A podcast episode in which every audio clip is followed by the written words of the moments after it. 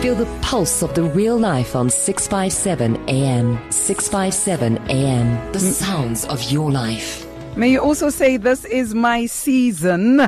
Uh, this is my moment as well. And on the line, I'm now joined by Mr. Elijah Skosana. Sir, how are you doing? No, I'm doing so brilliant well, ma'am. And how are you doing? I am blessed of the Lord. Welcome yet again on a Sunday. No siyabonga sibonga kakhulu sibonga nomusa kaNkuluNkulu sisama sasiqinile. Hey, iSunday yokuqala enyangeni. Isunday yokuqala enyangeni siswami. Hey, uthini uJehova kithina namhlanje what is the message lena ubaba Elijah nayo for us today? uJehova uthi mawuqale ngesiphetho. Hmm. ngoba into emnandi nasithi siyafunda wena siswami enzwini lakhe uNkulunkulu kuGenesis chapter 1 verse 26 Mm. lithi iBible then God said let us make man mm. in our image Mm. according to our, our likeness let them have dominion over the fish of the sea over the birds of the air and over the cattle over all the earth and every creeping creeping things that creeps on earth so nasithi siyabheka uNkulunkulu lana ukhuluma nomuntu. Eh ukhuluma naye uNkulunkulu uNkulunkulu uyazimema yena. uNkulunkulu uye wazimema waba nomhlangano naye. And then naqeda uNkulunkulu wahlala phansi naye. Wathi ngizoyenza umuntu and lo muntu engizomenza ngifuna lo muntu angifuze. And ngifuna futhi lo muntu lona abe negunya abe nedominion abuse kulomhlaba ngoba azange ithi kumhlabanyana uthize ithi over all the earth. Hayi kumhlabanyana uthi iphinde futhi. hayi kumhlaba n- not in a certain portion but uNkulunkulu uthi over all the earth Ah. so now we need to understand ukuthi thina kahle kahle singabaka uNkulunkulu and uNkulunkulu sinikile lomhlaba ukuthi sowubusa. So nayi into eshayayo siswami kuthina sifuna ukuba ama spiritual giants and economical dwarfs singabantwana bakaNkulunkulu. Yet uNkulunkulu usinike lomhlaba ukuthi busani kulomhlaba nowulime bese niyawugcina lomhlaba Yeah. So now nali iphutha esilenzayo uh, wena sisibongile. Sisukile singabantwana bakaNkuluNkulu endaweni yethu. Sanikana nge nge-rulership nge-dominionship kwabanye abantu. Namhlanje umhlaba ubuswa ngabanye abantu bathi abantu umntwana omncane kulungile ukuthi akhulele bese uyasibulala isiso nasithi siyazibheka izwi laNkuluNkulu lithi lokho kuNkuluNkulu kahle kahle akufuneki. Bese bathi abantu la indoda nendoda zibalungela ukuthi bangashada bese bayalalana. Bese izwi laNkuluNkulu lithi kuyisinengiso kuNkuluNkulu. It's an abomination to God. Because sisukile endaweni yethu singabantwana bakaNkulunkulu. So if we can invite ourselves and start to have a meeting with ourselves and sit down with ourselves like uNkulunkulu ayenzile and then we'll start to ask ourselves question ukuthi singabobani thina? Sidalwa ngubani thina? And then we'll be able to understand ukuthi kahle kahle thina kunala nesibuya khona. And nasifuna ukwazi ukuthi sibuya sizoqala sizibuze imibuzo ukuthi sibuya kubani? Sizobona ukuthi sibuya kuNkulunkulu bese siyaqala siyaxhumana noNkulunkulu. Sure. Uyazi So, nginokuzibuza yebo. baba usikhosana ukuthi Mm. um singabantwana bakaNkuluNkulu yebo yindaba siba novalo. Ngiyacabanga ukuthi kuningi lokho kwenzakalayo emhlabeni wethu. yebo Um kodwa ke uthola ukuthi asinayo isay, asikwazi ukukhuluma, asinalo iphimbo lokuthi sikhulume Mm, ngaphandle si, si siveze ubuNkulunkulu, siveze izwi. Where else um eh, umhlaba wona aw- awuhleli nje uthulile. Kodwa ke uyazenzela ngendlela yawo. And i understand ukuthi into baba usikhosana khuluma ngayo it's the seventh mountains of influence efanele sizi influence. Sitholakale Yeah. kuparliament sitholakale kumculo sitholakale ku kuma arts and culture sitholakale Yeah. sitholakale konke la because we have been called um to to to to rule the whole earth. Kodwa ke uvalo lilethwa yini? Sidila njani nalo? Khumbula mama ukuthi sinesitha isasethe isitha sethu singusathane. And if you still remember mama angithi uNkulunkulu wathi nakabadala labantu wadala owesilisa nowesifazane. And then uNkulunkulu wamabeka ensimini yaseEden wathi labantu mabayigcine bayilime lensimi but before uNkulunkulu wathi ngizomenzela umsizi lo muntu lo wesilisa. And then nayiceda wathi lo labantu boyi2 bazoshiya abazali babo bese baba into eyodwa. Nali iphuthe lenzeka bathi sebasensimini yaseEden one of the person oku Adam wasuka endaweni yakhe washiya lo mama eyedwa uthe nakamshiya lo mama yedwa isitha sathola indlela yongena khumbula ukuthi lo kumele afundiseke Mm. Ngoba uli- ulwazi bekanalo kodwa belingakapheleli ngoba bokusamele afundiswe umama ulwazi lasekhaya. So ubaba wasuka waba busy ngezinto ababhizi ngazo.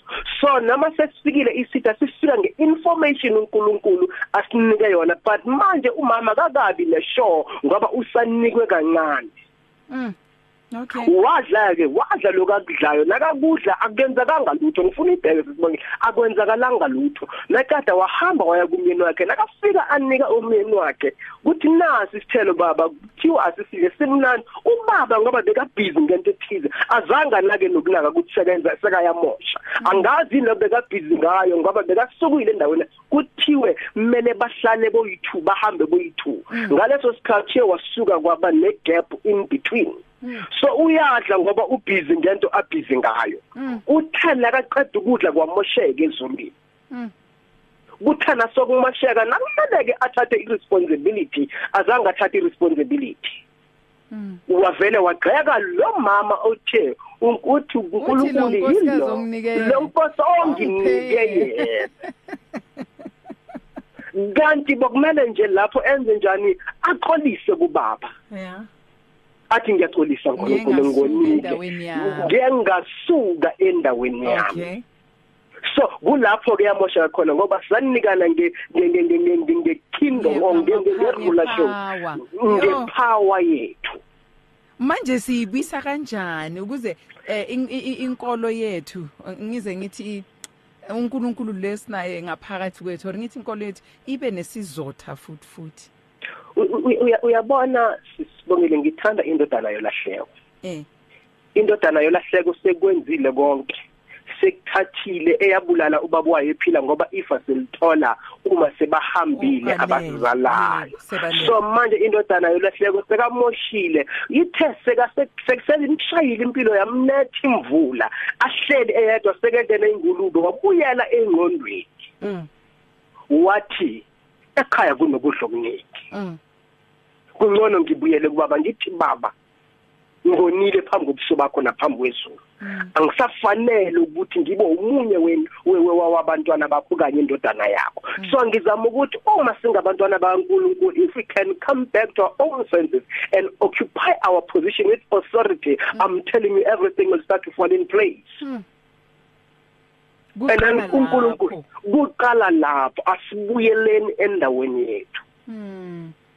Sure. And then ke yonke into- sibuyela kanjani? Ngokuxolisa. Sibuyela baba ngokuzithoba, angithi sibuyela? yebo. Eh. ukuxolisa ukuyithoba. Kokuqala angithi siyaphenduka phezulu kwalento esiziyenzayo kumele siphenduke bese sibuyele kuye uNkulunkulu. Siyocela insocela intethelelo. Mm, angithi bonke bonile basibalelwe inkazimulo mm. So kuze manje sikwazi ukusindiswa elokeni likaNkulunkulu ukuthi sibuyele kuNkulunkulu sithobe bese siyaphenduka. Mm. ngoba noJesu wathi nakaqala eshumayela wathi phendukani ngoba umbuso wezulu sosondela sosondele eh.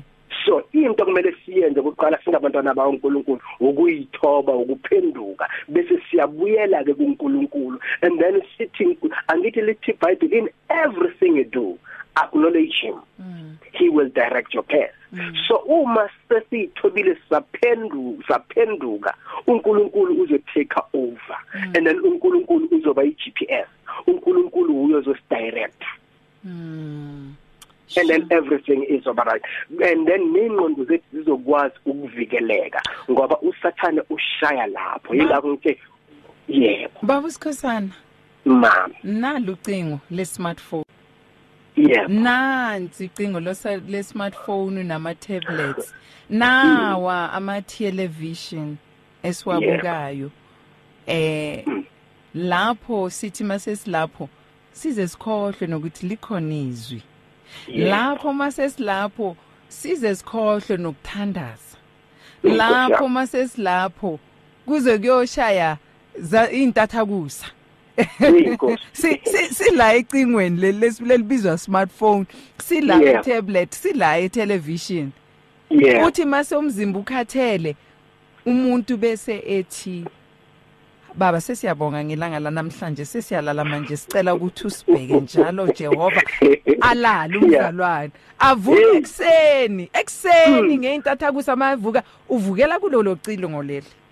Yeah. Silungisa Yeah. njani ke sikwazi ukubalansa our way with the Lord. Sikwazi ukubalansa because angisiboni sikwazi ukuqhubekela phambili and conquer the earth and rule and reign as we've been called. Sisahlulwa yilezi. U- u- u- uyabona ke sisibongile kunento esiyenzayo kakhulu thina abantwana bakaNkuluNkulu. Ah. we preach too much instead of teaching too much. Okay. So if we can start with the rudiments sibuyele kuma basics mm. singabantwana bakaNkuluNkulu Mm. sifundise ukuthi kahle kahle ukuhlala ezwini kuchaza ukuthini ngoba ukuhlala ezwini akusukuzi entertainer wena Mm.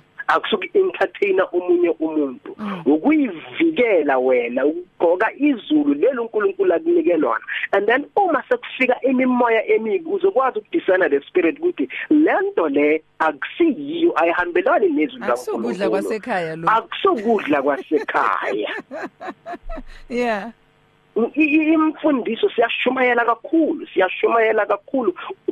Uyazi nasingabheka ezinye izinkolo uthula uyibheke le nkolo izinkolo ziyahlala zibe nesikhathi zifundise zifundise kakhulu. Mm. and then umuntu noma sowuqala uma naye bese uyakushiya ngenxa yokuthi ufundisiwe uncelile. Yeah. So sidinga imfundiso.